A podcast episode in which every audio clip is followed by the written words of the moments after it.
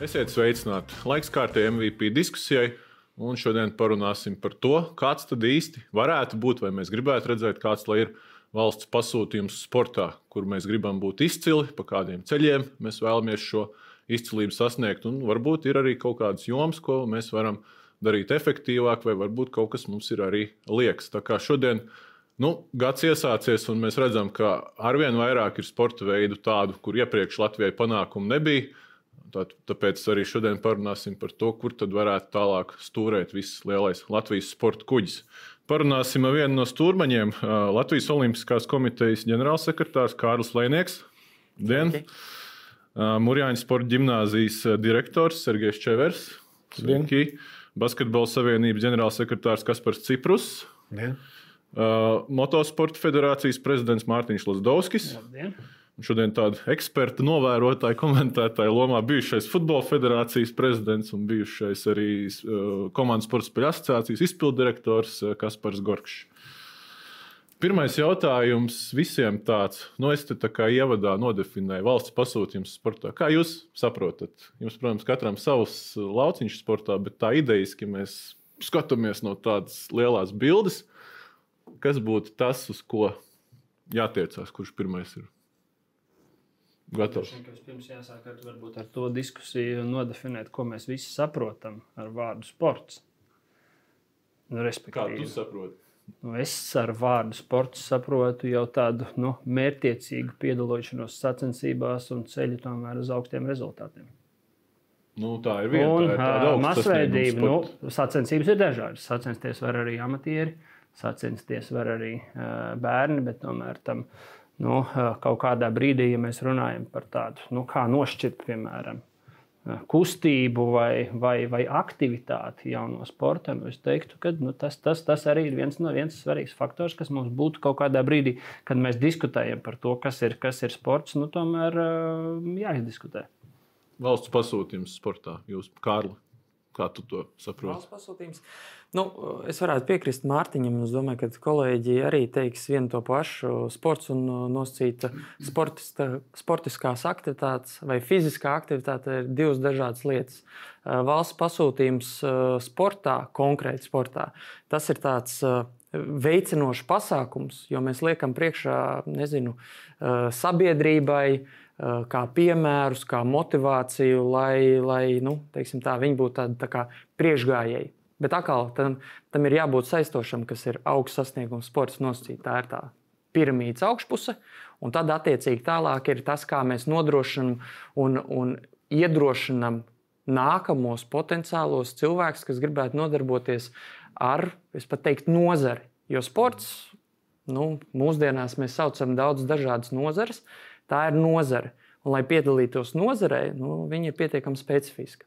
Un katrs sports veids, kas mums ir Latvijā, viņi diemžēl pietiekoši daudz, eh, viņš ir ar savu specifiku. Bet eh, tādā valsts pasūtījuma ziņā es domāju, ka eh, mums ir jānodrošina augšpuse, kas iedrošina arī tālāk, nezinu, mūsu pirmajā to, ka ar to nodarbojās aktīvi jaunieši. Veselības nolūkos, bet arī ar to, ka viņi nākotnē varētu ar sevi saistīt ar to, ka viņi gribētu būt sportisti. Mm -hmm. Nu, kas par kā, Kaspars varbūt var piebilst, te jau Kārlis iezīmē, kaut kur arī jūsu ceļu ir panākumi un tie ģenerē pēc tam masveidību. Nu, tā kā ceļš divos virzienos, tas ir. Es apmēram pareizi uztaustīju, kā tu saredzi to valsts pasūtījumu sportā. Nezinu, ko, ko bija jāstāsta, bet no manā skatījumā valsts pasūtījums ir skaidri un gaiši definēts. Tas ir bērnu šobrīd, bērnu jauniešu sports. Un, bet atkal jautājums, kā viņu sasniegt vienkārši iegrožot miljonus bērnos, jauniešos, kur, kādā veidā. Kur grūst? Skaidrs, ka bērnu jauniešu uh, vilkme, uh, bērnu jauniešu entuziasms uz sportu veidojās caur ko? Caur lieliem pasākumiem, kad viņi notiek tepat uz vietas, kad viņi var to visu bez mazliet sataustīt. Vai nu arī, kad mūsu uh, vietējās zvaigznes, kas uh, no vietējā līmeņa pāriet jau lielajā vispasaules tā, plašumos, un tur sevi pārsteidz, un tad tā vilkme no jauniešiem veidojās. Jo līdz ar to skaidrs, ka pasūtījums ir viens, bet mēs nevaram izslēgt, ka grožot naudu tikai bērnos, jauniešos, tas tā notiks. Tas tā noteikti nenotiks. Līdz ar to tāpēc mums ir svarīgi ļoti augstu sasniegumu sports, lai bērniem, jauniešiem, mēs atceramies, kas bija pēc hokeja čempionāta, kas bija pēc basketbola. Nu, tur uzreiz pieplūdums ir bērniem sporta skolās. Tur uzreiz ir pilni ārā laukumi, mētājot bumbas, skrienot, jo tauta uz to brīdi paliek tāda kā uz viļņa, un viņi grib sportot, viņi grib būt veselīgi, un tas ir pats galvenais. Galvenais to visu sabalansēt. Otram Kasparam ir ko piebilst? Otrajam Kasparam, jā, paldies. Es tev došu arī kādu iespēju. paldies, paldies. Izmantojot savu, kā es saprotu, mediātoru lomu. Es varbūt piesiešos tam vārdam pasūtīt, jo, jo, jo tu vari pasūtīt kaut ko, kā ir. Nu, un, un, pretēji tu vari aiziet un nezinu, lido mēģināt sushi pasūtīt. Kaut gan es pieļauju, ka tur ir. Bet jāstāsta, ko tad valsts var pamatot pasūtīt. Tātad no tā piedāvājuma, kas atrodas. Un tad ir divi ceļi. Vai nu jāatzīst, ka valsts ir šobrīd galvenais naudas devējs Tātad tīri no tāda viedokļa valsts ir tiesīga teikt, ko viņi vēlētos saņemt no, no, no sporta nozares. Bet tālāk, kā viņi pasūta, ko viņi pasūta, tam būtu jābūt balstītam. Tas patiesībā, ko mēs varam piedāvāt. Vai pretējā gadījumā valstī ir jābūt atbilstošām investīcijām sporta nozarē. Ja mēs skatāmies šobrīd no tāda finansiāla aspekta, attiecībā pret IKP, tas pienesums vai, vai ieguldījums sportā samazinās cik pamatot ir prasīt vairāk par mazāku finansējumu. Nu, to droši vien varētu ekonomisti komentēt, bet, bet, bet skaidrs, ka tas naudas apjoms šobrīd sporta nozarē tāds ir, ka valstī vai valstī būtu jāizvēlās tas, ko viņi par šo naudu vēlas izdarīt. Un tad līdzīgi kā kolēģi jau teica, jāidentificē tās lietas, ko vēlas sasniegt, un vai par to finansējumu tas ir iespējams. Noteikti nošķirot uh, gan profesionālais sports, gan tautas sports, gan, gan, gan bērnu sports, un tad skatoties, jo tam ir pilnīgi dažādi mehānismi, kā sasniegt izvirzītos mērķus. Un, un, un lielākā kļūda noteikti ir samest to visu vienā katlā un ar vienādu lozungu censties atrisināt visu. Tā uh, nenotiek nevienā nozarē, un sportā noteikti arī ne. Par to mēs pēc tam parunāsim. Sergejs apzināti tev pēdējo, nu, sanāk, tavas vadītāja iestāde tomēr pilda šo valsts pasūtījumu. Dotētā Mūrjāņa sporta ģimnāzija vairāk kā 2 miljonu eiro gadā ir konkrēti, jā, ir konkrēti sporta veidi. Un tiek sagaidīts arī augsts rezultāts pārsvarā olimpisko medaļu izskatā kaut kad nākotnē, ik pa laikam arī izdodas. Tur, protams, vienmēr diskusijas, cik Mūrjāņiem bijusi liela loma. Tu saproti, Ko no tevis valsts sagaida kā amatpersonas?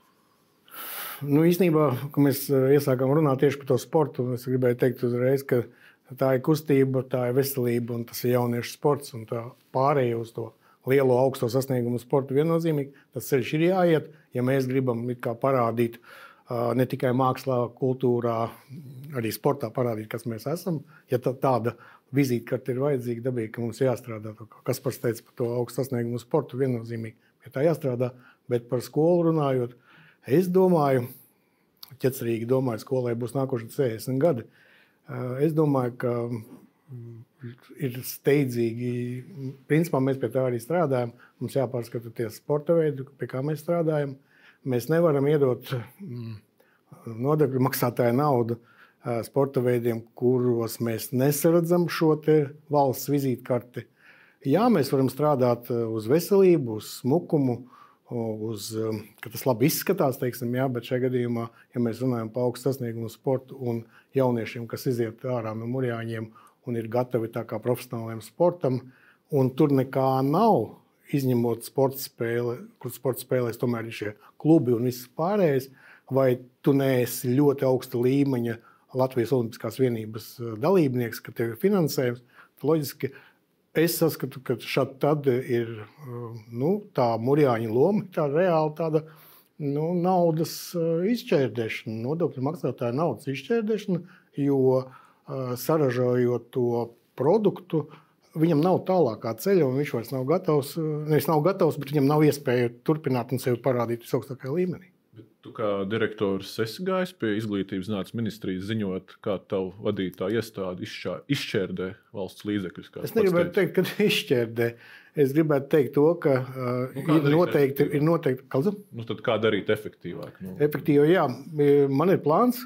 Mēs Labi, esam to tālāk. Jā, jā, man ir plāns, un es nekad neeju un nesaku, ka, kā, kā, ko tagad darīsim. Jā. Pastīsimies uh, vienu citātu, ko tu pats esi teicis uh, raidījumā Bezmaksas uh, sports par to, ka mēs nevaram dzīvot uz nodokļu maksātāja rēķina, uzturēt sporta veidus, hobijus, tieši Mūrjāņu sporta gimnāzija. Kā tu saproti sporta veidus, hobijus, kurus tu jūs tur uzturat? Nu, es, domāju, ka, es domāju, ka ir vairāki sporta veidi, sauksim arī konkrēti, uh, kur, kuros principā pēdējo 30 gadu laikā reāli nav rezultātu. Lai cik, nebūtu, lai cik arī nebūtu sāpīgi, tā ir airēšanas sports. Tad bijusi akadēmiskā airēšana. Pēdējais olimpiets 2000. gadā bijis. Tie ir 24 gadi. Un to pašu dopingu noņēma. Jā, jā un tad mm. reāli rezultāts uzrādīts 96. gadā. Atlantas Olimpiskajās spēlēs pēdējais rezultātīvais rādītājs, tā mēs viņu nosauksim. Jā, nu, labi, airēšana. Tur gadā cik aiziet? Abām, principā, airēšanas sportam jūrmalā uh, gan airēšanai, gan arī smaiļošanai un kanoē. Tas ir trīs, trīs atsevišķi sporta veidi. Aiziet nepilns miljons. Oho. 900, pār par 900 tūkstošiem. Tās ir telpu uzturēšanas, tās ir treneru algas, tās ir skolotāja algas, tās ir um, 24, 7 majoros režīms. Uh, no, okay, labi, trīs jā. hobijus tu nosauc vēl?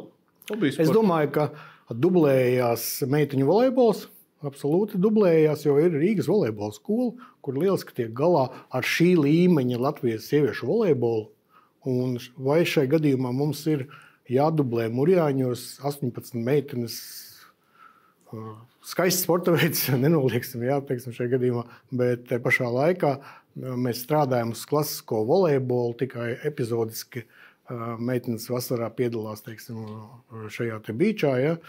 Es redzu, šeit arī principā, mēs varam strādāt ar beigšu grupu 6, 8 meitenes, nevis 18 meitenes, teiksim, šajā gadījumā, un skatīties jaunus sporta veidus, kurus mēs varam ielikt iekšā un izpildīt reāli, reāli augstu sasniegumu sportam nepieciešamos teiksim, rezultātus parādīt efektīvāk izmantojot kaut vai šajā gadījumā tas varētu būt tuvu miljonam. Mm -hmm. uh, paskatīsimies, ko Ernests Gulbis ir teicis Latvijas Tenisa Savienības prezidents pirms pāris mēnešiem par to pašu hobiju sportiem. Man nav skaidrs, kāpēc jāatbalsta sporta veidu un pieaugušu cilvēku viņu hobijos. Ja nepelna turistiku, tad tas ir amatieru līmeņa sports. Un tur tā doma bija nevis par rezultātu, kā tu saki, kur ir hobijs, bet vispār, nu, principā notēmējot uz Latvijas Olimpisko vienību. Iesaistot pārējos hobiju sporti Latvijā, valsts finansēti, kā jūs šo redzat, Kārli? Kā... Vai tu piekrīti Sergeja definīcijai, vai tu piekrīti Ernesta definīcijai par hobiju sportiem, vai tur ir jāiet līdz valsts finansējumam? Atkal, nu, esošie noteikumi ir kādi viņi ir. Ja mēs gatavojamies uz Olimpiskajām spēlēm, ziemā vai vasarā, tad mēs uz viņām gatavojamies. Un tur mēs nevaram patīk vai nepatīk attiecībā uz spēlēm, korrigēt to. Tas ir sporta veids, jā, tas kas. Nav, bet tas nebija jautājums. Jā, par definīciju. Es, par definīciju. Tu redzi, jā. Nu, Rekus Sergejs ieskicēja, viņš arī saka, izšķērdēm naudu. Nu. Vai Olimpiskā vienība izšķērdē naudu? Nē, es neuzskatu, ka viņi izšķērdē naudu, jo atkal, ar ko es gribēju sākt teikt, kad uh, startējot Olimpiskajās spēlēs, tu sacenties ar citām valstīm. Un tas ir neatkarīgi no tā sporta veida, jo mūsu definīcija sporta veidos, kas, ko Ernests ir nosaucis, ir tas, ka tu nevari nopelnīt iztiku.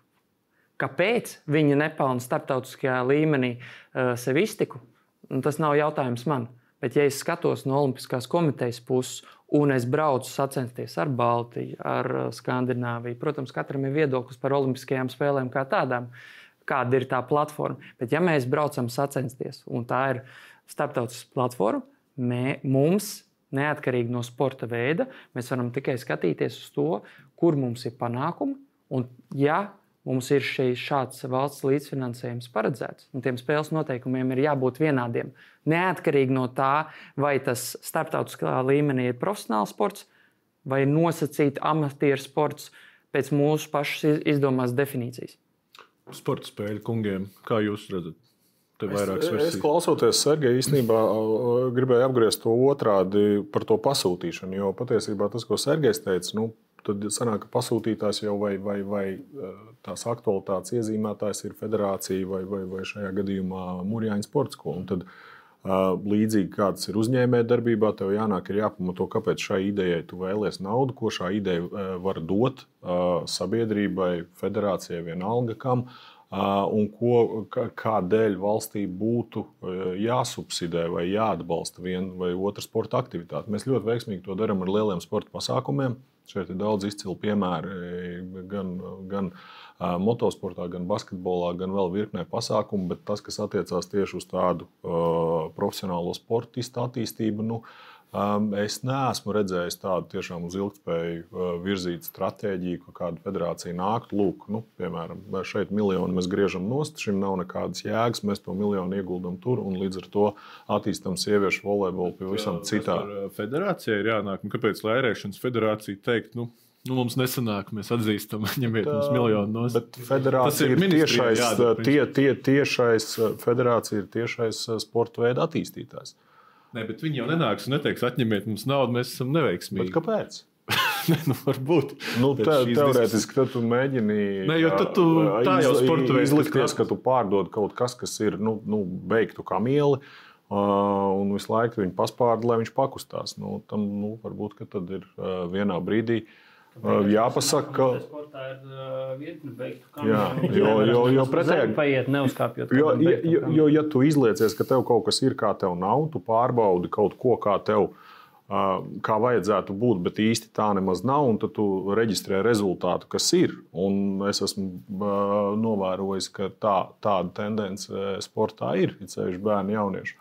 Nu, un tad, tam, ja tu nonāc pie panākumiem un tu secini to, ka tev šīs te pēctecības nav, tad, nu, tad varbūt tajā ķēdē, ja ir, ja ir šādas neprecizitātes, tad arī nevar īsti plānveidīgi gatavot vai cerēt uz rezultātiem. Kā Basketbola savienība redz šo visu stāstu. Nu, tomēr ej un pa kritērijiem runā un diskutē. Jums, protams, kā komandas sporta spēlē cita situācija kā indāliem, bet Kā, mēs, kad Kaspars vēl bija izpildījums, mēs par to daudz runājām. Pa lielam visa sporta dzīve, saimniecība ir 75% komandas sporta veidos un 25% individuālajos. Bet mūsu valstī jau visu laiku tāda ir filozofija, ka visu laiku kaut kā jāpalīdz tikai tiem pabērniem, kuri paši netiek galā. Varbūt mazliet par rupju teiks, bet diemžēl tā ir. Jo komandas sporta spēlēs neviens sportists nesaņem finansējumu no valsts finansējuma. Visiem tur ir attiecīgi, vai nu tu brauc un esi tik labs, ka tu vari pelnīt ārzemēs naudu, vai, vai nu ej strādā, vai nu attiecīgi tu arī spēlē klubos, kur arī attiecīgi klubi, piemēram, meklē sadarbības partnerus, kas nav valsts finansēti projekti. Bet visi individuāli mums dzīvo uz lovu, uz valsts finansējuma. Es runāju šobrīd nevis par federācijām, es runāju tieši par sportistiem. Nu, tad, ja mēs skatāmies ļoti globāli, protams, ka Latvijā bez valsts finansējuma praktiski grūti izdzīvot, jo mēs esam maza nācija, mums ir maz cilvēku, mums ir nepārāk ļoti attīstītas citas Eiropas valstīm uzņēmējdarbības, kas arī grib līdzfinansēt. Tad skaidrs, ka valstī būtu jāpalīdz. Bet, ja globāli nogrieztu visu finansējumu sportam, nu, lielie sporta veidi kustība kā tāda izdzīvot. Protams, ka nebūtu varbūt tāds finansējums, tāds atbalsts, tāda rezultāta izlašu līmenī, bet šādā tādā veidā mums tāpat futbolisti kaut kur izrautos, spēlētu, basketbolistu spēlētu. Kas būtu ar individuāliem sporta veidiem? Nu, tas būtu ļoti liels jautājums, kā viņi tālāk eksistētu. Līdz ar to šeit ir tas pareizais jautājums, ko pieskarāmies.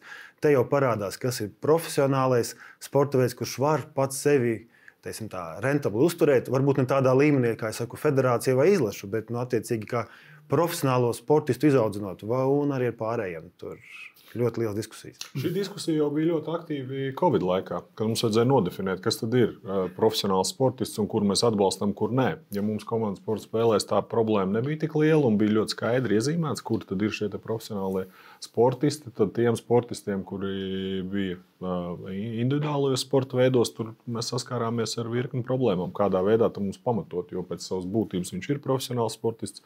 Naudu viņš saņem caur kaut kādiem NTM sadarbības līgumiem, kur nav īsti skaidri tā kādā veidā tas notiek. Nu, tad, tad, tad, tad vēl mēs mēģinām būvēt, būvēt, būvēt. būvēt un patiesībā tā jau ir tāda Es Mārtiņu speciāli atstāju pēdējo jums, kā motosportam, situācija, laikam, nu, pie esošā izkārtojuma visneparocīgākā bijusi. Ir vienkāršākā. Naudas nav. Ne, jo, bet, jo... bet profesionāli sportisti ir, uh, brauc, uh, paši pelna. Nē, nu šobrīd nu, sports... vai, vai sponsori samaksā par to ļoti vienkārši. Sports šobrīd Latvijā gradējas tā, ir tātad komandas sporta spēles, kur ir jā, sporta skolu sistēma uzturēta pietiekami no valsts un pašvaldības, un pēc tam tajos 18 vai nu tu atrodi darbu spēlē, un valsts pēc tam uztur izlašu sagatavošanos, ja, nu, vai arī izstrādā. Tad ir individuālie sporta veidi, olimpiskie, kur ir šī olimpiskā vienība. Ja tu tur tiec, tad tur ir skola vēl apakšā. Nu, kā kuram? Jūsu gadījumā nav sporta skola, nav olimpiskā vienība, nav olimpisko spēļu. Tas Bet ir, ir vēsturiski izveidojusies eh, privātu klubu sistēma. Ir eh, atbalstītāji, kas nu, tos talantus sākotnēji atbalsta. Un, uh, Un, un tālāk, nu, ja tu esi labs, nu, tad tu esi uh, labs un agri vai vēlu tevi ieraudzīs. Protams, šai ceļā mēs visticamāk zaudējam kādus ļoti labus talantus, jo viņam nav bijusi iespēja spērt to izšķirošo soli, kas ir aptuveni vismaz mūsu sporta veidos starp 13, 14, 15 un 17, 18 gadiem. Un tā, manuprāt, būtu lieta, kas būtu sistēmiski jāapskatās visos sporta veidos, kā mēs atbalstam talantus, neatkarīgi no tā, kur viņš radās. Un neatkarīgi no prioritātēm. Un, ja man būtu cepura, es to noņemtu Sergeja priekšā un es sagaidītu no visām amatpersonām, kas darbojas sporta jomā, tik godīgu nu, analīzi, kā viņš tikko teica. Jo pēc šāda uh, izkārtojuma sanāk, ka airēšana ir daudz prioritārāks sporta veids tikai ar to miljonu vien, kā, nu, manuprāt, visi neolimpiskie uh, kopā ņemti. Aristokrātisks sporta veids. Es saprotu, uh, bet tā būtu analīze, kas mums būtu vajadzīga kopumā, sākot ar sporta skolām. Mēs vienmēr, nu, priecājamies, ka mums ir vairāk to bērnu un tam līdzīgi. Kaspars noteikti, Kasparam ir pieredze arī otrajam Kasparam. arī, arī par, par sporta skolām. Tā skaitā mēs savstarpēji esam pietiekami daudz diskutējuši. Nu, mums būtu tā piramīda jāsāk būvēt vispār ar interešu izglītības stāstu.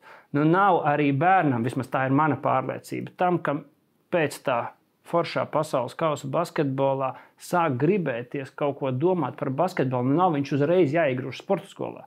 Nu, lai viņš sāk jēgpilni nodarboties ar tām aktivitātēm, un tad uz to sporta skolu jau mēs virzam tos talantus. Nevis katrs, kas skrien un spēr pa bumbu, ir tagad futbola sporta skolā. Un tā ir tā mūsu sistēma. Un tur būtu varbūt jāsaliek tie pamati, tad tālāk nāk sporta skolas, Un tad tālāk mēs atbalstām talantus gan caur sporta skolām, gan tos talantus, kas veidojas tur, kur mums nav to sporta skolu. Bet, ja mēs ņemam uh, to Latvijas sporta, sporta veidu loku un, un, un mēģinām saskatīt to sakabi, ko tu iezīmēji, skaļš panākums, piemēram, basketbolā, un deviņi jauni bērni cēlās sporta skolā vēl turnīra laikā, jo, jo brāļi kuruci no turienes. Uh, Ir sporta veidi, kur mēs to saredzam, ir sporta veidi, kur tas teorētiski nav iespējams, jo nav nemaz šo, šo iespēju. Iespējams, bet tā pašā nu, mūsu sporta veidā, nu, tiklīdz Pauls Jonas kļuva par pasaules čempionu, tā mēs arī jūtam, ka to bērnu ir aizvien vairāk. Tas jautājums un... līdz ar to ir plašāks par finansēšanu un par valsts pasūtījumu liekam lielāku uzsvaru uz tiem sporta veidiem, kur ir jaunietim, kur aiziet. Nu, labi, jūs neesat sporta skolas sistēmā, bet jums vismaz ir, kur aiziet. Vai arī nu, laižam pašplūsmā. Nu, droši vien, ka būtu jāizvērtē, cik no tām, jo ja mēs tomēr ne, gribam nodalīt, manuprāt, kritērijiem būtu jābūt tādam, cik no tām sporta skolām tālāk aiziet ceļu profesionāli uz sportu. Profesionāli kāpj pa tām sporta uh, pakāpieniem. Viss pārējais lielā mērā ir ļoti labi. Tā ir fiziska aktivitāte, mums ir fiziski aktīvi bērni, bet tas tad ir interešu izglītība. Labi, Kārlis ilgi netika pie vārda. Nē, man, ko, jo Mārtiņš iesāk par to, par sporta skolām. Tas ir ļoti plašs temats, kā, kā, kāda varētu būt kritērija. Bet par vienoto nosīt finansējumu sistēmu, kas ir tā skaitā teiksim, daļai valsts pasūtījums, tur es pilnībā piekrītu, ka ir jābūt vienotam modelim, nedalot individuālie vai komandas.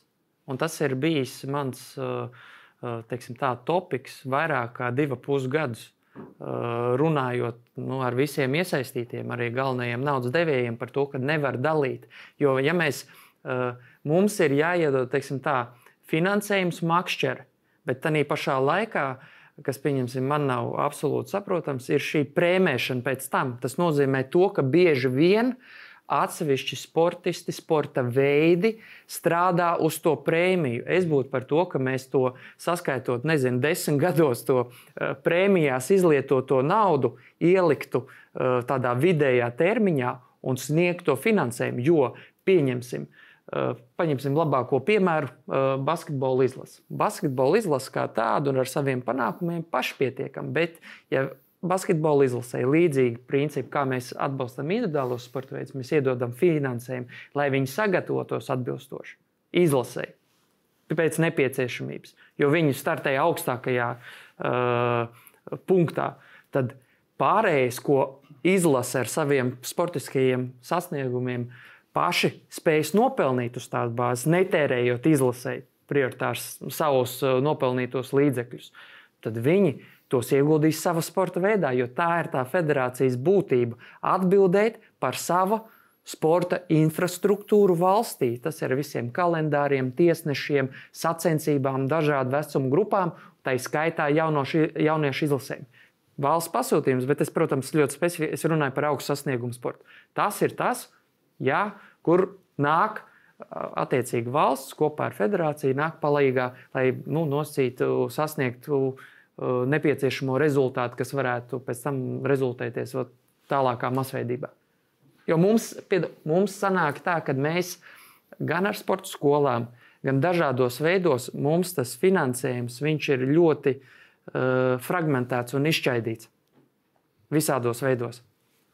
Droši debatējam. Mēs, jā, mēs, kā, kā ar jebkuru tēmu, mēs varam izsmērēt viņu tik plaši pa sienu, cik mēs vēlamies. Un es domāju, ka sporta nozara neatšķirās no citām. Un, un, un, man liekas, ka te jāiet solis pa solim kaut kādas fundamentālas vienošanās vai izpratnes, kādā veidā sporta to ekosistēmu veidot. Man simpātiski liekas, Mārtiņa, tā pieminētā, ka tiešām bērniem tiek nodrošināta iespēja sportot kā tādam. Un tā ir jābūt valsts atbildībai. Tas, ka mums sporto bērns jaunietis, tā, tai būtu jābūt valsts, valsts atbildībai. Kāds ir tas vecums, kurā viņš pāriet uz uh, vēlmi vai, vai, vai pamatotu vēlmi vai mērķi kļūt par profesionālu sportistu. Tas dažiem sporta veidos atšķirās.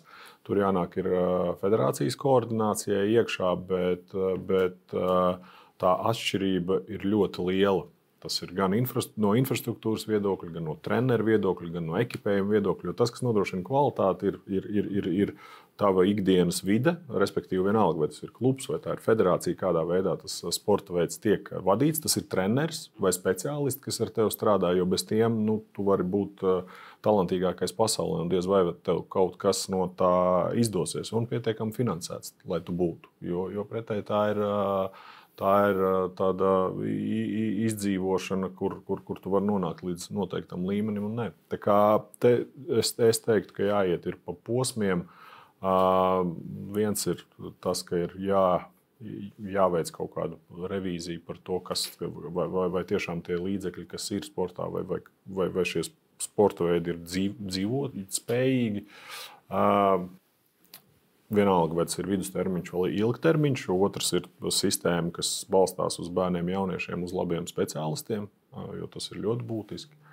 Un tad ir tas, tās gaidas, uz kurien tu vēlēsies. Nu, ir skaidrs, ka bērniem, jauniešiem interesēs basketbols. Tādēļ tad, tad, tad tur arī ir jāinvestē. Un nav arī jākautrējās no tā, ka ir tradīcijas. Tradīcija ir vēl viena lieta, uz kā rēķina. Tu, tu, vari pamatot vienu vai otru izdevumu. No tā nav jākautrējās. Pirmkārt, nav jākautrējās runāt par talantiem, par izcilībām, jo mēs dzīvojam tajā dalības kultūrā. Galvenais ir piedalīties, bet profesionālā sportā neviens rezultātu nav atcēlis. Tādēļ mums ir nav jākautrējās mums runāt par un lepoties par tiem izcilajiem sportistiem vai izcilajiem talantiem, kas ir. Jo pretēji, ja mēs to visu sabāžam vienā maisā, tad mēs visu laiku lavierējam tā, lai mēs kādu neapceltu pārāk, ka viņš varbūt nav tik labs kā pārējie, un savukārt tāds, kuram ir potenciāls un kuram būtu jāpievērš lielāka uzmanība, tad to mēs kaut kādā veidā sabāžam ar visiem kopā un, un varbūt tieši bremzējam viņa attīstību. Tā, tā ir ļoti nu, specifiska un delikāta lieta. Un, un atkal šeit pats būtiskākais personāžs ir treneris un speciālists, kurš spēj identificēt talantus un kurš spēj atrast veidu, kā šos talantus attīstīt. Nevelti lielajos sportos šobrīd papildus fiziskajiem, tehniskajiem parametriem ir dažādi IQ parametri un vēl virkni lietu, kādā veidā testēt, vai šis jaunietis var pamatot cerēt, kļūt par profesionālu atlētu. Varbūt viņš nav fiziski attīstīts, bet tu redz, ka viņam ir kaut kāda aizmetne. Tā kā te ir. Nu, ir, ir milzu, uh, milzu uh, līdzekļi. Liels, ir liels, bet ir jāieguldās tieši šajos speciālistos un viņu izglītībā, lai galvenais mums būtu konkurētspējīgi speciālisti. Nu, labi, pārējot pie nākamās tēmas, konkrētāk par sporta internātiem, ekscelences centriem. Nu, tu droši saki, ka ir izšķērdība. Tāpat laikā basketbols tagad grib, lai viņiem būtu ekscelences centrs. Varbūt jā, jums ir miedarbība. Jāsaka, jā, jautājums ir, kas pats bija pagājušajā gadā atbraucis uz Mūrjāņiem. Paldies, ka atbrauc un man patīk, ka tu sāki runāt savādāk. Kad atbrauc, tad vienmēr, kad redz dabā, kā viss izskatās, dabīgi, ka cilvēki savādāk runā. Un paldies tev par to. Un arī sporta komisijas, apakškomisijas vadītājs bija no Saimas. Uh, stāsts šobrīd par to, ka, ka aktivitātes bērniem mēs absolūti valsts uzdevums ir nodrošināt bērniem aktivitātes. Nu, vairāk, Vai viņi kļūst notiek jā, šobrīd? Nu, jā. Labi.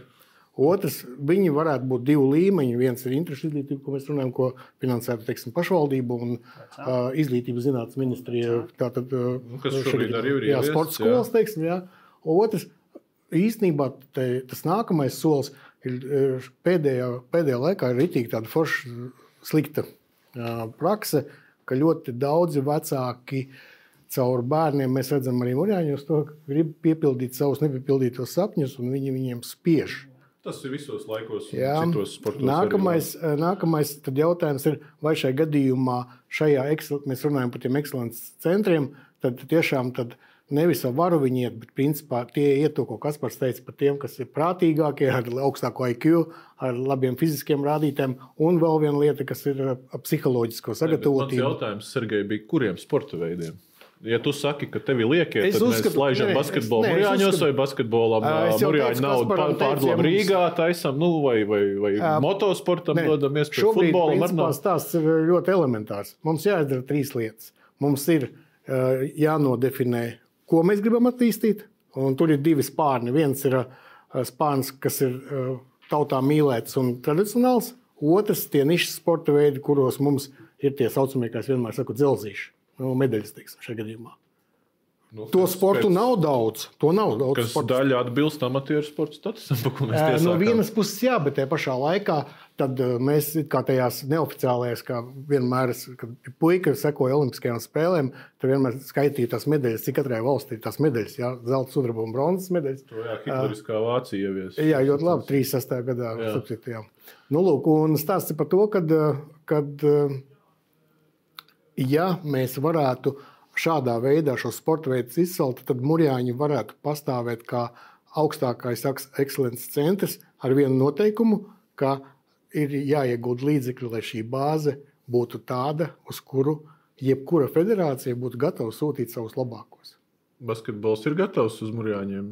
Ja mums caur. Mūrjāņiem realizēt ekscelences centru vai tomēr Rīga un, un citāds formāts? Jā, es uzskatu, ka sports tas nav vienīgais dzīvē, un līdz ar to it īpaši jauniešiem, bērniem, ir ļoti svarīga izglītība. Un, ko šobrīd par, pie, nu, parāda piemēram, tas pats labais Somijas piemērs? Viņam ir arī savs nevis basketbola, bet kopējais sporta ekscelences centrs Helsinkos. Pasaule ir mainījusies. Tā nav tā, kā bija Padomju Savienībā 70. un 80. gados, kad mēs visus iebāžam kaut kur mežā, lai viņi tur nenodzertos un viņi trenēties. Nē, mūsu pedagogiem, lai kā Kaspars minēja, lai mēs dabūtu labus speciālistus. Speciālistam ir jā, jādod vide, kur pašam attīstīties. Tie ir teātri, tie ir kinoteātri, tā ir kultūra, tā ir komunikācija ne tikai ar savas skolas audzēkņiem un pedagogiem. Līdz ar to es personīgi uzskatu, ka, ja mūsu basketbolā mēs to arī iesim un centīsimies, tam noteikti ir pirmkārt ir jābūt uh, vietā. Es nezinu, tā ir jābūt Rīga, bet tā ir kaut kādā lielpilsētā. Protams, ka tā būtu labāk Rīga tur, kur tu vari sapulcināt labākos speciālistus. Un viņiem dod uh, veidu attīstīties, tas ir viens. Otrs, uh, skaidrs, ka arī nevar būt tā, ka mēs visus ieliekam sportistus uh, Visi, nu, skolā, visus vienā skolā kopā un tikai sportisti. Tad mēs visi muļājamies savā starpā un mēs neattīstāmies kā personības. Tur jābūt rekurbi. Manā skatījumā, komandas sports ar hālu būtu perfekts variants. Kāpēc? Bērni var mācīties centra humanitārā vidusskolā. Bērni, var, kas var būt mazliet grūtāk ar valodām, ir Natālijas valsts vidusskola. Uh, tur ir visas iespējas, bet viņi nevar būt ieslogoti visi savā vienā kapsulā. Jo tādā veidā mēs tiešām veidojam nu, tādus nepārāk attīstītus uh, tā, sportistus, kas pēc tam, pēc sporta karjeras, ir nekonkurētspējīgi darba tirgu. Līdz ar to es noteikti es uzskatu, ka ir vajadzīgs ekscelences centrs, bet ļoti mūsdienīgiem un uh, izvērtētiem risinājumiem. Uh, lai tie bērni nu, nav tikai tā, ka ir tikai sports un viss. Nē, bez sporta, ticiet man, arī jūs arī zināt, ir arī ļoti plaša un skaista dzīve. Nu, labi, es arī vēlreiz pie tevis. Jā. Piekrītu, Kaspar, ka tu tiešām man nav ko, nav ko iebilst šajā gadījumā. Dabīgi, ka mēs maksimāli darām to, lai jaunieši tiešām tiktu gan uz Rīgas teātriem, gan mēs tiešām daudz pie tā strādājam. No vienas puses, no otras puses, neiet runa par visiem sporta veidiem, ka viņi atrastos teiksim, vien, zem viena jumta. Viennozīmīgi, ka mēs runājam par atsevišķiem sporta veidiem, kur valstī ir pasūtījums. Nu, šajā gadījumā, tad, ja mēs runājam par šo ekscelences centru, katrā no sporta veidiem, viņš varētu būt katram sporta veidam viens. Ja? Tā kā tu teici, basketbolam, teiksim, šajā gadījumā te, šis lielais centrs, kur sapulcēt labākos. Jo viennozīmīgi murjāņiem būs nozīme tikai tādā brīdī, kad murjāņos tiks savākti.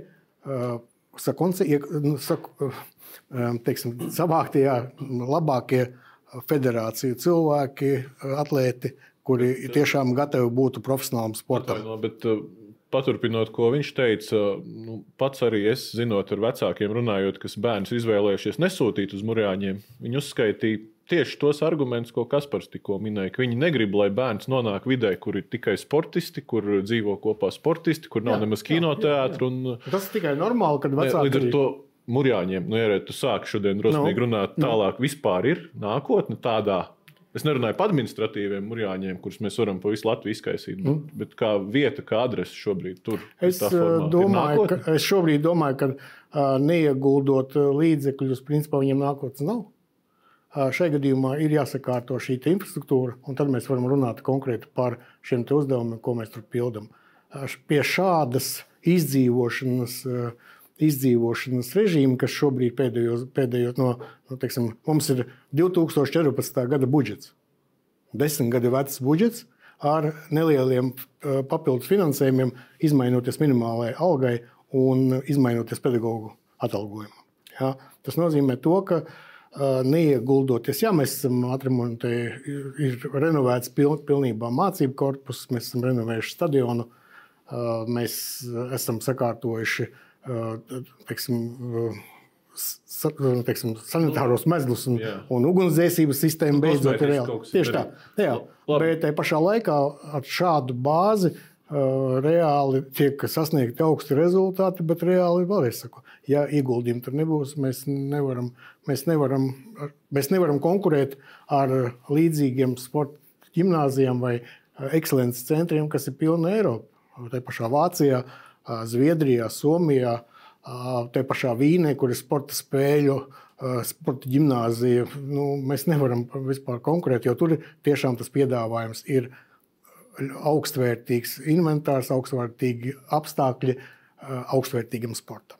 Ko pārējie domā? Jo, piemēram, pētījām kolēģiem Slovenijas, piemēram, viņiem nav valsts uzturēta sporta internātu vai ekscelences centru, bet viņiem arī tā specifika ir tāda, ka tāda ir pašvaldībām, ka, kas arī kaut kāda geogrāfiska iemesla dēļ. Kaut ko attīst, piemēram, kalnos.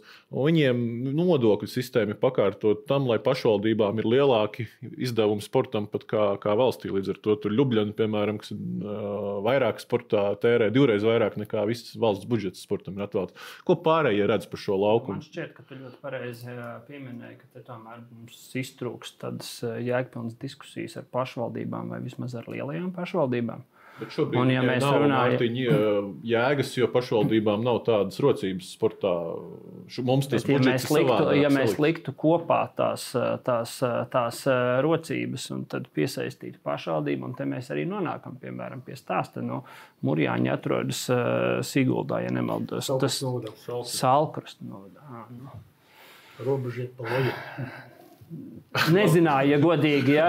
bet jebkurā gadījumā, nu, Sigulda mums ir trase, nu, tad var ap to varbūt veidot kaut kādu tās vietas, to specializāciju. Bet, piemēram, Raganā man aug divi iespējams vispār Latvijas izcilākie motosportisti, kādi ir bijuši.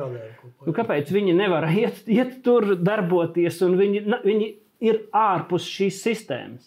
Šobrīd, jā. Brāļa, Nu, jā, reišu, jā. jā. Nu, kā viņus iecelt? Kas ir tavs piedāvājums? Pašvaldība, centrs. Pašvaldība nevar to atļauties šobrīd Latvijā. Nu, es domāju, ja mēs skaitītu kopā, cik mēs visi tērējam sportam, tad iespējams tā bilde varbūt būtu citādāka. Jo tikko jau mēs redzējām, ka rairēšanai vien, vienā vietā mēs tērējam, tērējam miljonu. eh, Ja? Es domāju, piemēram, komandu sporta spēļu kontekstā es noteikti eh, daudz vairāk skatītos arī klubu virzienā. Lai veidotu to piramīdu tālāk, ja mēs domājam jau par to tālāko stāstu. Nu, basketbols un futbols, manuprāt, ir pirmās jau divas, eh, divas eh, nu, tādas sporta veidi, kur mēs tiešām par kaut ko tādu jau varam runāt. Mēs varam runāt, nu, piemēram, futbolā. Mēs es kaut kad savilku no 32 Latvijas čempionu tituliem, 26 izcīnītie nu, klubi ir zem zemes. Ja? Basketbolā ar to pēstniecību ir kā ir. Nu, Te pie tā vidēji viņa, bet viņa Eiropā eksistē, bet Latvijas apstākļos nav klubiem ne stabilitātes, ne rocības. Mums jau pat daži tur LBL jau cik tur nomainīs juridiskās personas, lai, Jā, lai atkautos no nu, video nu, un turpina Ir spēlēt. atsevišķas pašvaldības, nu, ko es gribētu kā, uzteikt. Nu, piemēram, man zināms piemērs ir Tukuma. Ja? Nu, tur ir Tukumā ir sporta skola futbolā, tālāk ir piramīda, kas, kas pārtop jau par futbola klubu Tukums. Attiecīgi, nu, tur arī federācija pietiekami un starptautiskās federācijas uh, prasības ir, nu, lai būtu tās akadēmijas. Nu, tā piramīda top tur uz vietas un nav kāds mākslīgi jāizsūta no Tukuma uz Mūrjāņiem. Jo tie vecāki jau, ja tie ir saprātīgi vecāki, mums vienmēr ir jāpieņem. Uh, realitāte, kad 16, 17 vai 18 gados tas bērns pateiks, ko viņš īsti grib darīt. Un tajā 18 uh, dzimšanas dienas pirmajā dienā viņš varbūt pateiks, paldies visi, ka jūs esat mani spieduši darīt to un to. Tagad es mm, iešu uz Mākslas akadēmiju. Viss man neinteresē tas, ko jūs man esat spieduši darīt. Un, un ja viņš ir aizsūtīts kaut kur projām, tas tas. tas... Labi, nu, tie nav gadījumi, bieži vien, kad spiež jaunietis pats grib. Mēs nevaram tā vi- vispārināt. Tas, ko Mārtiņš velk sporta spēļu virzienā, ka var pašvaldības vairāk, klubi vairāk, var reāli šobrīd vairāk. Jā, tu pats pieminēji, ka Slovenijā nemaksā valsts, maksā pašvaldība. Kāda starpība? Tā ir nodokļu maksātāja nauda. Kāda starpība, no kuras kabatas, kurā tiks maksāts? Beigās jautājums ir, vai tiek izpildīts uh, uzdevums. Šajā gadījumā nu, mēs varam elementāri pārzīt lielāks, piemēram, procents uz tieši uz sportu. Pašvaldībām būtu jāvirza uh, sportam. Ko tas mainītu? Neko tas globāli nemainītu. Tā kā mainot, vai tas ir viens finansējums vai otrs, mums uh, strateģiski jādomā, ko mēs varam, kura būtu neiztērēt tik daudz Domā, naudas. ka nemainīt, tāpēc, ka šobrīd tā tad, uh, nu, ir valsts politika, un tajā brīdī, nu, kas ir tas Slovenijas panākums, ir, ka vietvara pati lemj, ejot cauri no savām tradīcijām, no saviem sportiem, savas infrastruktūras. Līdz ar to ir cits lēmumu pieņēmējs par naudas izlietojumu pēc būtības. Saproti, uh, manā skatījumā sporta skolas kā tāda struktūra nav slikta. Mēs esam unikāli ar to, ka mums viņa ir. Jautājums ir cits, ka sporta skolu uzdevums ir mazliet saplūdis katram nesaprotamā virzienā, jo pati par sevi sporta skola tas ir profesionālās ievirzes izglītības iestāde, kur mēs ejam uz augstiem sasniegumiem. Diemžēl man arī personīgi runājot ar dažiem pašvaldību vadītājiem, viņu galvenais mērķis, lai viņi iet, lai ir sporta skola, lai bērns nebūtu uz ielas, lai viņš vienkārši būtu fiziski aktīvs. Nē, nē, nē, nē. tā ir interešu. Un līdz ar to mums ir viss šobrīd saplūdis profesionāla ievirze, interešu izglītība, visi vienā katlā. Un tas ir tas bēdīgākais, ka gala rezultātā jau cieši, kā tu pareizi saki, arī mums basketbolā tas talants, jo visiem vienādi, visiem vienāds finansējums, nu tā nevar būt. Mums ir atsevišķi jā, jāizdala interešu izglītība, kas ir pareizi saka, sociālais projekts. Un mums vispār šobrīd ir minimāls finansējums atvēlēts tam, lai mēs mūsu uh, izcilajiem sportistiem radītu šeit, Latvijā, vidi, lai viņi 12, kā hokeja vispār tur traki, viņi grib braukt visprojām. Mums vēl nav tik traki 14, 15, ko es uzskatu, vienalga ir traki tajā vecumā braukt projām. Uh, Mēs braucam prom tikai tāpēc, ka tiem izciliem bērniem mēs nevaram nodrošināt kvalitatīvus apstākļus. Jo vidējais līmenis, tā kā mums ir nosakts Latvijā, viņš tiešām ir nosakts ļoti, ļoti labi. Ir ko piebilst? Skatoties šo, ir mums tie plānošanas reģioni, varbūt mums jāiedod viņiem funkcija sporta attīstība reģionos. Bet pašvaldības var noteikt savu, savu virzienu, kādā viņi iet. Ir piemēram Jūrmā, kur ir ļoti skaidri definējis, kas ir prioritārie sporta veidi, no tādas prizmas viņi ir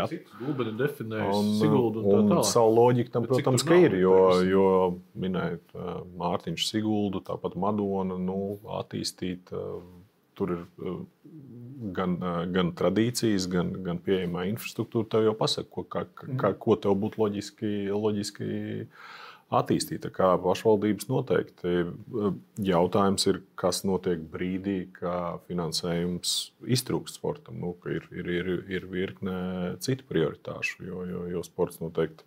Nu, būtu naivi cerēt, ka sports vai, vai fiziskā aktivitāte būtu pašvaldības, pašvaldības prioritāte galvenā. Un, un, un kas notiek brīdī, kad nepietiek šī finansējuma. Bet, ko arī mēs finansējam krietni vairāk nekā sporta? Es domāju, ka nebūtu okay. jāpretstatī šīs divas lietas, jo gal galā, kā Kaspars teica, tad mums ir daudz kas vairāk par sportu, un arī uz koristiem sport, ar, Nē, ir jāapstāsta. Par, par to, ka pa vispār par lobby kultūras sistēmai, jo mums ir uh, vieni murjāņi, bet Jā. ir seši valsts teātri, leģu teātris. Gada balvu sportā, bet ir kādas septiņas kultūrā. Tas vienkārši, bet tas ir citai principā diskusijai.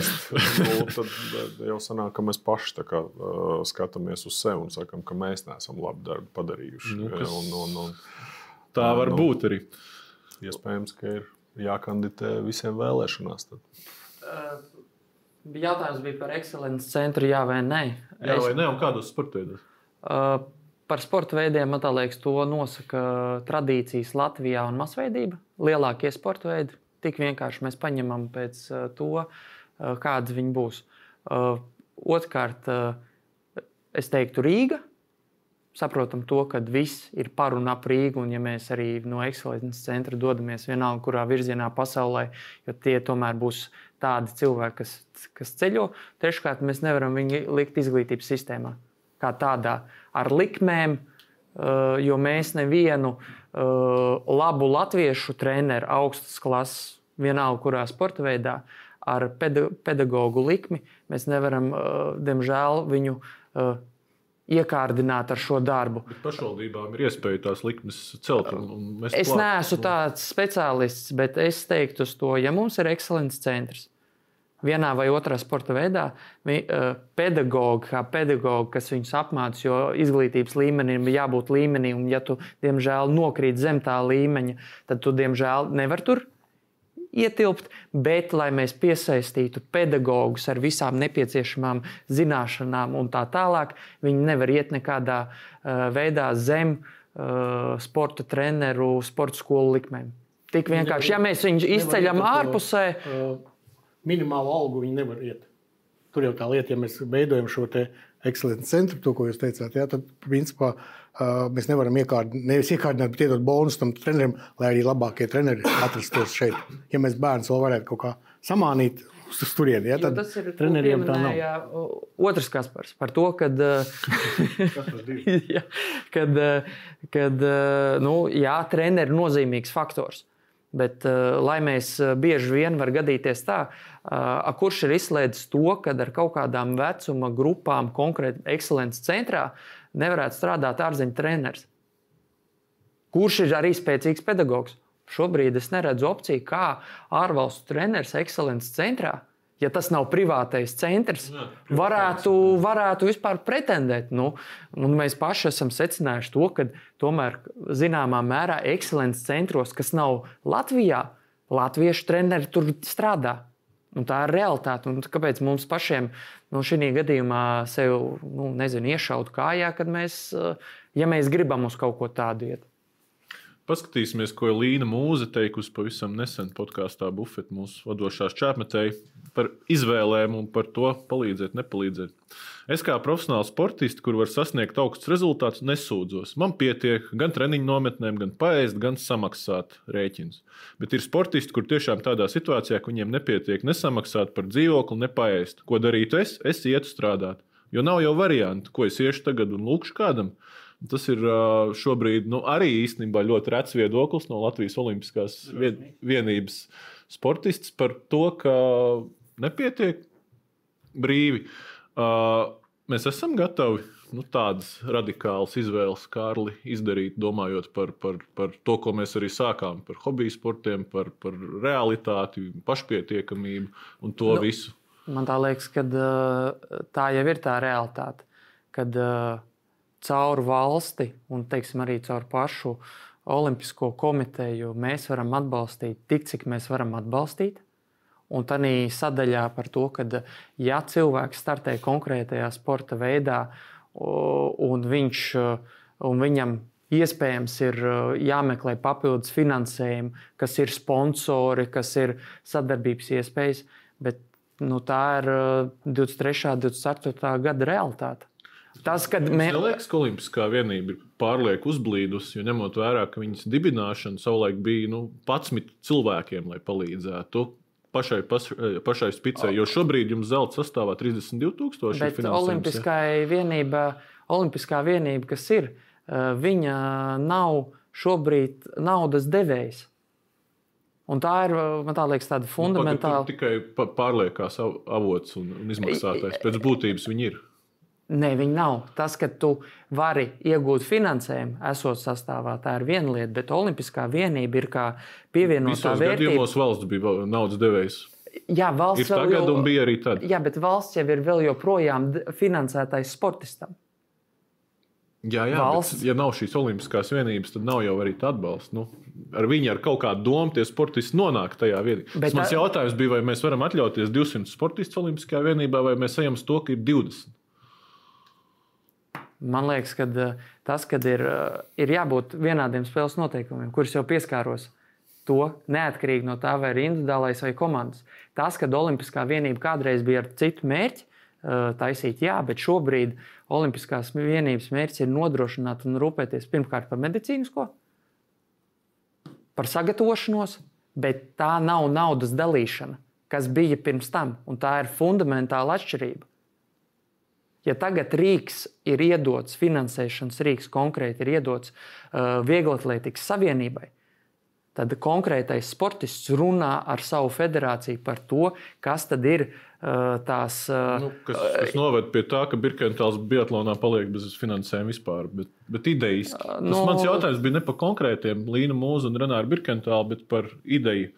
Olimpiskā vienība 200 cilvēkiem vai 20? Ja mums ienāk komandas sporta veidi, mums būs 300 cilvēki iespējams. Varbūt. Laižam vaļā arī komandas sporta olimpiskā vienība. Es, ne, es tev prasu, kā pārējie. Es redz. saku, ka olimpiskā vienība ir tas augsts sasniegums sports šobrīd tikai uh, olimpiskajos sporta veidos. Bet tur ir jābūt gan individuāliem, gan komandām. Un tas ir tas valsts finansējums, kas nodrošina labākajiem sportistiem. Vai viņš ir pietiekams? Visticamāk, vis, jebkurā situācijā kāds, eh, kāds sportists pateiks, ka tas nav pietiekami. Brāļiem Reišuļiem. Man šķiet, man šķiet uh, šī diskusija mums ir bijusi, un es domāju, tā ir nebeidzama uh, diskusija, uh, kas uh, būs. Nu, tomēr tas lokus, kas šobrīd ir kopā ar federācijām, nu, tur būtu jāpārskata. Bet es teiktu, ka daudz lielāks uzsvers būtu jāliek uz to sāpīgāko posmu, man liekas, kas ir sportā. Tas ir vecums starp nu, tā, 16, 17, 18 līdz kaut kādam 23. Un tad, ja, ja tu līdz tam posmam nesi sasniedzis to, ka tu pašpietiekamību, pašpietiekamību tad, nu, tad ej pie sponsoriem, nodarbojies ar viņu ar šo uh, hobiju, uh, hobiju sportu, bet tomēr tajā jauniešu periodā, kamēr ir pamatota cerība sasniegt to izcilību, es teiktu, un ka tur būtu jāliek vairāk. Jo šobrīd mēs 18 gadu vecuma cenzu uz, uzstādīt Olimpiskajai. Diskusijai. Nu, labi, diskusijai var būt, bet es, es, es, es redzu, ka šobrīd sistēmā, es, protams, uzskatu, ka arī labākie neolimpiskie ir jāliek kopā. Sevišķi, ja mēs runājam par vienotu, vienotu organizāciju, tad ir jādod, jādod iespēja būt, būt noteiktos sporta veidos visiem labākajiem, bet tam atbalstam jēgpilni būtu jāiet līdz kaut kādai kategorijai. Un tad, ja tu esi izsities, nu, tad, tu, tad tu ej pa to Olimpiskās vienības tālāko stāstu. Nu, ja tu neesi, nu, tad, tad, tad tiešām ir jādomā, ko tālāk darīt. Kā pārējie redz izcilības finansēšanu? Es domāju, ka vēl viena lieta, kas īstenībā nu, kādreiz, nu, kādreiz viņi arī izmantoja, bet nu, reāli arī caur valsts, to, ko arī Līna rakstīja par to, ka jāiet strādāt un tā, un beigās paliek bez profesijām, kad nosportojās līdz, līdz 30 gadiem, un beigās izrādās, ka nav vidusskolas izglītības. Un īstenībā tu neesi vispār gatavs nekādām, teiksim, nekādam darba tirgum pirmkārt. Es domāju, ka šajā gadījumā vēl, vien, vēl viens ceļš noteikti ir ejams caur spēku struktūrām. Labi, tur kāds pasmieties vai ko, bet tajā pašā laikā reāli mēs arī skatāmies caur, kā vecs kamiņu braucējs. Es atceros, ka vācu, vācu sistēmā, vācu mašīnā visu laiku policija, bundespolicija un, un armija bija tās, kas principā uzturēja šo sporta veidu. Viņi gāja dienēt savus trīs mēnešus gadā, kad sezona bija beigusies, un viņi atgriezās un trenējās. Un tādā veidā es zinu, arī pazīstu puikas, kas beidzot aktīvā sporta gaitas, viņi turpina savu dienestu teiksim, šajās spēku struktūrās. Nevis skaitījās uh, kā uh, mums ir pierasts, pie mums ir bijis, kad tu ķipa skaities, kamēr, nu, kamēr sporto, uh, bet nekad formas tērpu neesi redzējis vai vēl kaut ko. Es vienkārši to zinu.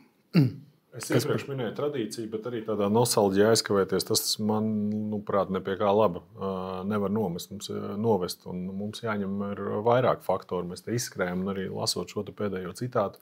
Tā labā ziņa ir, ka sportisti paliek inteliģentāki.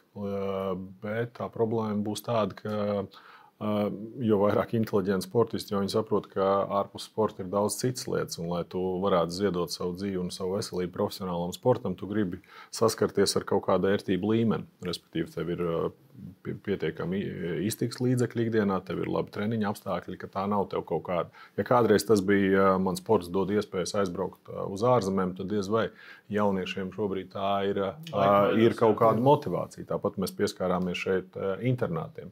Šobrīd, lai tu jaunieti ievietotu internātā, viņš droši vien pa nedēļu palaidīs garām tik daudz informācijas un lietu, cik es no 16 līdz 17 gadu kopumā palaidu garām. Tas informācijas apjoms ir daudz lielāks un jāņem vērā šie sociālie aspekti, lai mēs vispār ieinteresētu bērnu. Un es domāju, ka mums ir tik daudz nepilnību šobrīd uh, tieši tajā pašā zemākajā līmenī. Un es vairāk piekritēju tiešām tādai, laikam, varētu teikt, tādu skandināvu modeli, ka tomēr sākās viss no tādiem stabiliem pamatiem.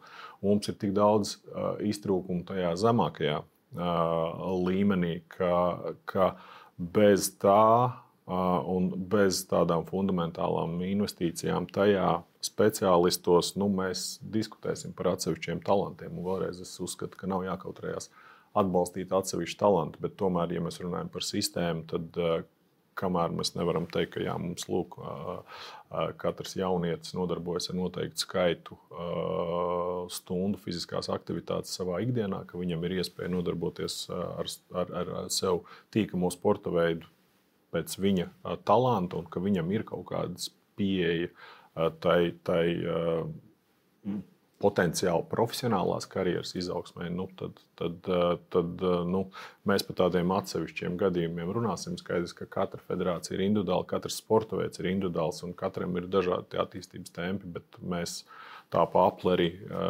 turpināsim runāt. Paskatīsimies, ko ir teicis Zintas Ekmans, runājot par kritērijiem, kas šobrīd tiek apspriesti par to, kā finansēt vairāk un izcelt prioritārās sporta federācijas. Šie kritēriji, ņemot vērā mūsu sporta veida specifiku, ir graujoši, netaisnīgi un nepamatoti. Kaut vai tādēļ, ka mums nav vispār sporta skola, bet kritēriju punktos 37% sastāv sporta skolu audzēkļi līdz 18 gadiem. Un mums arī tabula sagatavot, kādi tie kritēriji izskatās. Te ir sāpe par, par sporta veidu, kas ir viens no retiem, kas ir atnesis ziemas sportā medaļas, kam nav jaunatnes sistēmas apakšā, un, un vēl šis tas, kas ir masveidīgajām sporta spēlēm, nu, un, un, un redzam, kā mainās šie akcenti, nu, tā kā vairāk uz masveidību un aktivitāšu iesaisti. Kā jūs redzat, katrs no savas sporta veidu pozīcijām un no savas sporta pieredzes, šis ir pareizais ceļš, ko šobrīd valsts mēģina iet, vai te būtu kaut kas arī ļoti nopietni jāpilnveido? Šis ir kaut kāds mēģinājums uh, virzieties, manuprāt, pareizā virzienā. Uh, ievietojot, nu, ieliekot šajā sistēmā arī lielāku, uh, lielāku finansējumu, mēs uh, droši vien piecā šeit dabūsim 6, 7 vai 12 viedokļus par to, kā un kurā vietā tie punkti vajadzīgi, skatoties katrs no, no varbūt sava, sava redzējuma, bet kopumā, nu, manuprāt, tas atspoguļo nu, kaut kādu pietiekami, pietiekami saprātīgu virzienu un aptver dažādus rādītājus. Un te mums ir jānodala, manuprāt, divas lietas, ko reizē mēs sajaucam kopā. Finansējums federācijai nav finansējums uh, viss, kas ir attiecīgiem sporta veidam. Jo airēšana saņem miljonu jau citā veidā. Un šeit ir tikai tā sadaļa, kas aiziet tālāk jau federāciju aktivitāšu uh, veikšanai. Un šeit būtu arī ļoti svarīgi no tāda godīga uh, naudas uh, sadalīšanas viedokļa, nu, lai mēs saprastu, ka šeit tam federācijām mēs vairāk dodam tikai par tām aktivitātēm un darbībām, ko viņas tiešām nu, ir, ir panākušas. Kā pārējiem, nu, Sergei, tev jāizstāv Renes sports, kā es, nē, es, ne, absolūti. Es arī nācu uz Mūrjāņiem, es teicu, ka es būšu direktors visos, visos sporta veidos un tiešām atbalstu arī citas, visas pārējos sporta veidus. Es tiešām cenšos būt objektīvs. Es precizēšu to, ko jūs teicāt par to airēšanas miljonu, lai nerastos kaut kāds kārtībā reizi. Jā, jā, nē, nē, nē. Stāsti par to, ka divas bāzes, divas bāzes, un to, ko Kaspar jūs teicāt par to, ka jūrmalī noteikusi, noteikusi savus prioritīvos sporta veidus, mēs gribējām ņemiet reku bāzi pie lielupes. Ņemiet. Viņi saka, mēs neņemsim, jo mūsu sarakstā airēšana nav, nav jāattīsta. Mums nav prioritāri sporta veidi, un līdz ar to mēs neņemsim un līdz ar to nošaujieties uz savām divām bāzēm, viena majoros, otra lielupē. Bet idejas pāriešana vairāk, nu, kā es redzu, masveidības un vairāk finansēt jauniešu sporta virzienā, riskējot pazaudēt varbūt vispār olimpiskās medaļas ziemas olimpiādē.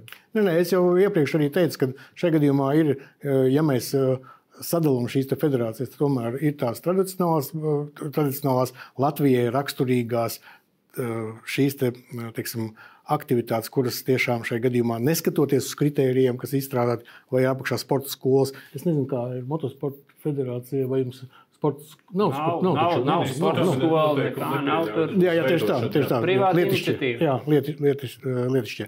Šajā gadījumā stāsti par to, ka ir tie atsevišķie sporta veidi, kur mēs tradicionāli arī valsts finansējums būtu vēlams ievirzīt, un pārējie to, ko Kaspars teica, ka ir jāizdala interešu izglītība un profesionāls ievirzes sports šai gadījumā federācijām arī dot atbalstu.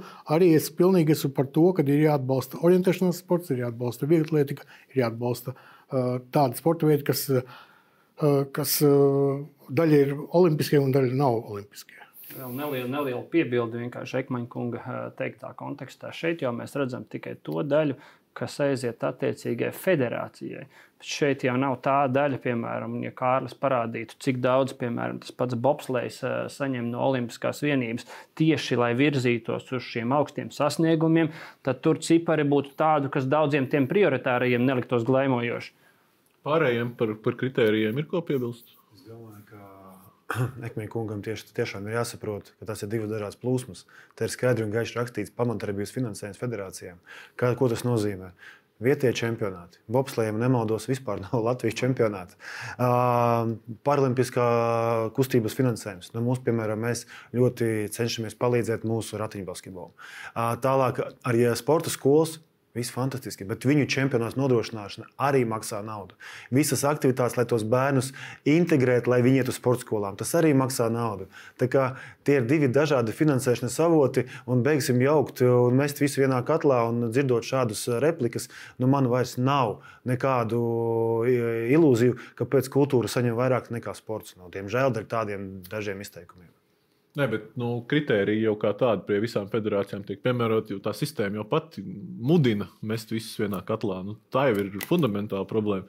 Jo varbūt, varbūt mums ir jāskatās uz to, ka ir sporta veidi, kurus mēs izdalām no sistēmas un finansējam atsevišķi. To es tieši gribēju iebilst. Man ar Mārtiņu pietiekoši daudz diskusijas saistībā ar šo tabulu, un es arī esmu pirms tam par to minējis, par to, ka Uh, viena lieta ir masveidība, un tas ir bāzes finansējums, kas tev nodrošina sporta veidu asinsriti. Un otra lieta, ko es pieņemsim, mans personiskais viedoklis, es augstos sasniegumus no šīs tabulas vispār ņemt ārā. Un otra lieta ir pieminētā pareizi, nepareizi 200 sportisti vai, vai, vai 300 ir augstie sasniegumi, kur tad valsts piedalās uh, izlašu un labāko dalībnieku uh, līdzfinansējumā. Un tās ir divas dažādas plūsmas un divi dažādi uzstādījumi.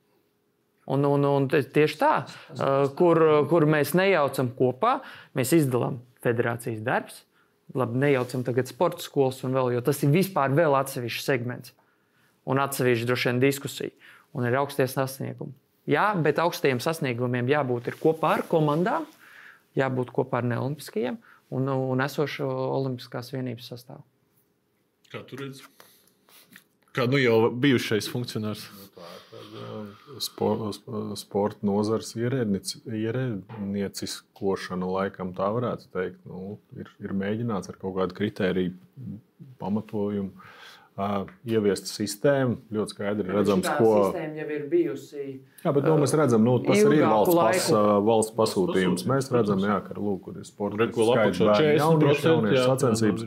Bet nu, mēs laikam kaut kur sarunas vidū jau secinājām, ka sporta veids salīdzināt šādā veidā ir ļoti grūti. Un, tas, ko un, Kārlis būs... iesaka, nodalām pavisam, ņemam ārā augstos sasniegumus no šīs tabulas un, un atsevišķi ceļi Es, es ne, nu, tādu absolūtu apmierinātību ar, ar šādu metodi diez vai ir iespējams panākt. Nu, pa lielam tie atslēgas faktori jau nemainās. Tas ir pirmkārt pietiekams finansējums kopumā, un, ja tāda nav, tad ir cīņa par katru 0,1, 0,2 punktiem. Otrs ir kompetenti cilvēki, kuri tiešām spēj orientēties sporta nozarē un spēja arī uh, kopā ar uh, šiem stakeholderiem vai federācijām izvirzīt šos te, uh, mērķus, un tad arī paskatīties, kādā veidā tie mērķi ir sasniedzami, un vēl arī nokomunicēt šos mērķus. Jo um, vēlreiz ar šādu kritēriju palīdzēšanu. Nu, Nozarē, kurā droši vien sacensību princips ir visizteiktākais, es uh, nu, šaubos, ka ir iespējams panākt uh, kvalitatīvu rezultātu. Varbūt pareizākais risinājums tomēr būtu, pie kā mēs ar Kārli nu, vakar diskutējām, un vēl mūsu pārstāvētās organizācijas. Tomēr beidzot sporta sabiedrībai apvienoties. Un tad sporta federācija vienotai organizācijai, nu tad jēgpilni piedāvāt, izdiskutēt un piedāvāt uh, risinājumu. Nav jau bijis mums tādas nu, ļoti padziļinātas un godīgas uh, diskusijas arī savstarpēji.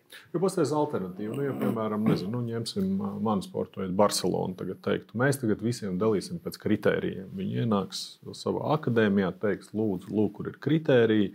Un mēs tagad šādi dalīsim finansējumu. Nu, visdrīzāk lielākā daļa no futbolistiem tur nekad nebūtu sasnieguši to. Tāpēc, ka sports balstās kaut kādā individuālā pieejā, un tas uh, ir neskatoties uz to, vai tas ir komandas sports vai individuālais sports. Tur ir jāspēj rast, uh, rast uh, kādā veidā sasniegt rezultātu no tā resursa, uh, kas tev, kas tev ir. Un, un, un šādi te, nu, 12, 12, 12, 12 nu, vai, vai tas ir 6 vai 10. Nu, Nu, tad man, manās... drosmīgāks, izlēmīgāks, nepopulārāks un politiskāks lēmums. Ne? Vajadzīgi ir cilvēki, kas ir kompetenti tajā jomā, ar ko viņi nodarbojās. Kuri mēs runājam par treneru kvalitāti, bet arī par vadītāju kvalitāti. Kā, kā, kā, kas tad ir tie, tie sporta organizāciju vadītāji?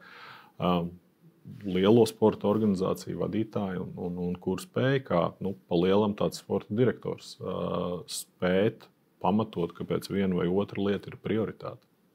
Pabeidzot mūsu diskusiju, tautas sports, bērnu sports, augsts sasniegums sports, trīs it kā nesaistīti virzieni, bet tomēr ļoti pakārtoti.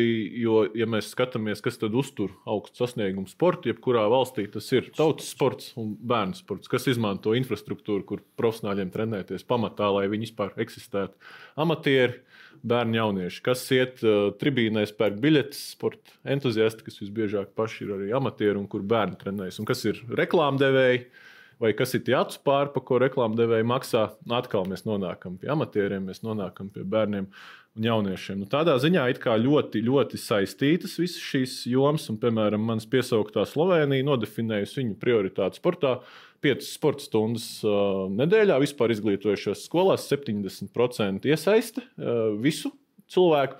Un, un tā viņi jūt, ka izpildās šie, uh, šie faktori, ko es minēju, ka, ja cilvēki ir sportā, tad viņi arī tērē vairāk naudas sportā un profesionālais sports no tā līdz ar to ceļās. Bet tas uh, dod uh, labu rāvienu tiem sporta veidiem, kam ir masa.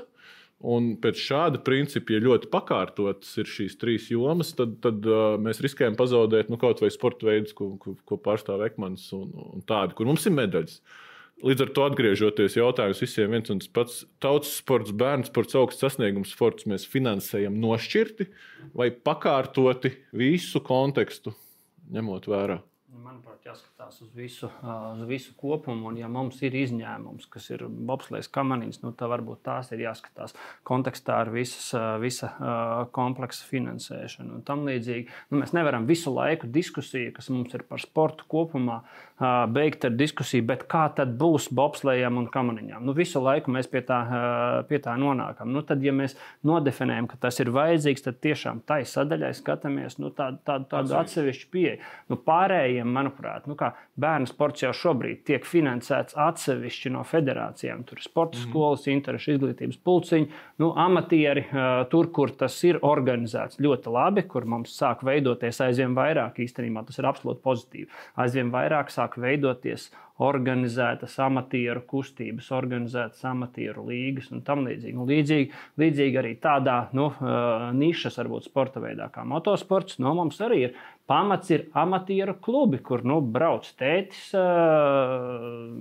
sāk braukt bērns, un tā tas, tā tas rats uh, griežās, un pārējos visos nu, tas, tas, tas ir ļoti normāli. Un tad, kad parādās talants, tad mēs atbalstam to talantu. Varbūt šī ir arī visa sistēma. Nu, tas ir mans jautājums. Pakārtot vai nošķirt? Nu, es gribēju piekrist par to, ka teica, ka ja mums tāda infrastruktūra ir, tā Sigūdas kamiņa bobslēja trase dabīga, ka nu, tad šajā gadījumā viņi jāizmanto, ir, un ja rezultāti ir, tad viņi jāizmanto. Un, tā mēs varam skatīties uz atsevišķiem sporta veidiem, bet es domāju, ka visam pamats tomēr ir tas tautas sports. Un, un, un, un, un, un sakārtojot arī sporta skolas. Pareiz, mēs runājam par to, ka ir šī pašvaldība finansējums, interešu izglītībā jau ir uh, izglītības zinātnes ministrijas uh, sporta skolu finansējums, uh, profesionālās ievirzes programmām. Viennozīmīgi, ka man jau liekas, ka mēs baigi tā kā uzpūšam. Nu, tā kā, man jau liekas, ka reizēm, kad mēs uzpūšam, uzpūšam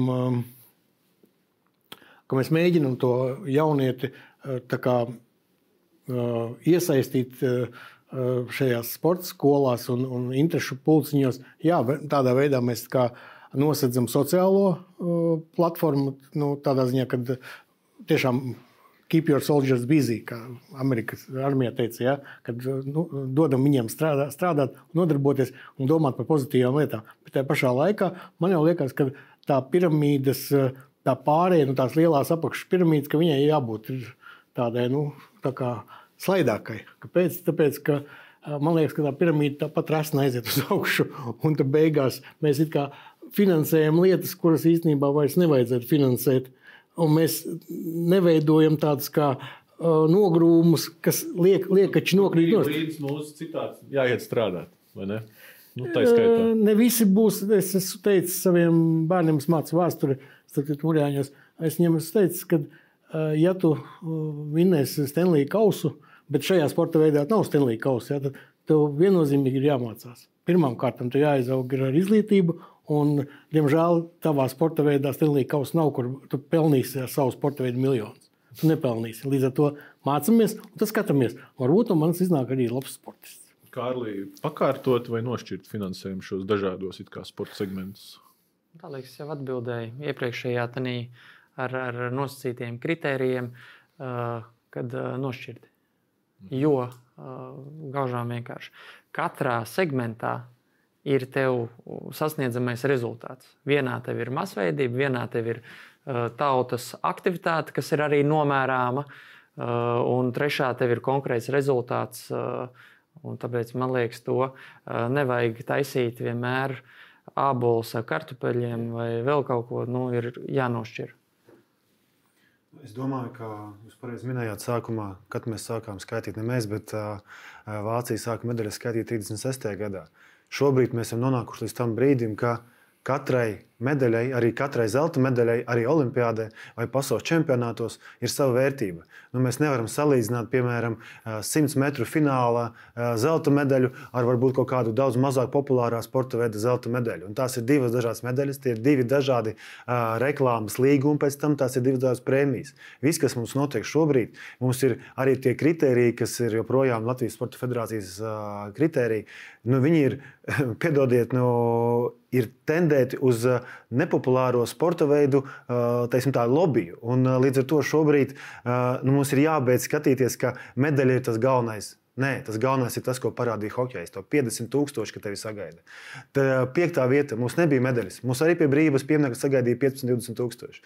Tas ir tas, ir, tas ir tas, ko mums jāiet, ka nevienmēr medaļa ir tas mērķis, ko mēs gribam sasniegt. Un, uh, nu, mans mērķis, nu, man mērķis, bet man ir tāda domāšana, ja tu esi profesionāls sportists un tu zini, ka tev nu, profesionālā dzīve, tava sporta dzīve beigsies 30, 35 gados, un tu esi uzstādījis pie kaut kādu mērķi, piemēram, iziet no sporta ar pusmiljonu vai miljonu, kur tu pēc tam vari uzsākt attiecīgi vai nu sevi izglītot, lai pēc tam būtu konkurētspējīgs darbā, vai tu vari uzsākt kādu biznesu, lai tu vari turpmāk eksistēt, ja tu to nevari nodrošināt nu, nemokies. Nu, ej jau laicīgi domā, lai tev pēc tam 35 gados vienkārši nebūtu jābar visas valsts struktūras, visas federācijas un visas Olimpiskās komitejas, ka redz, vai par mani neviens neparūpējās.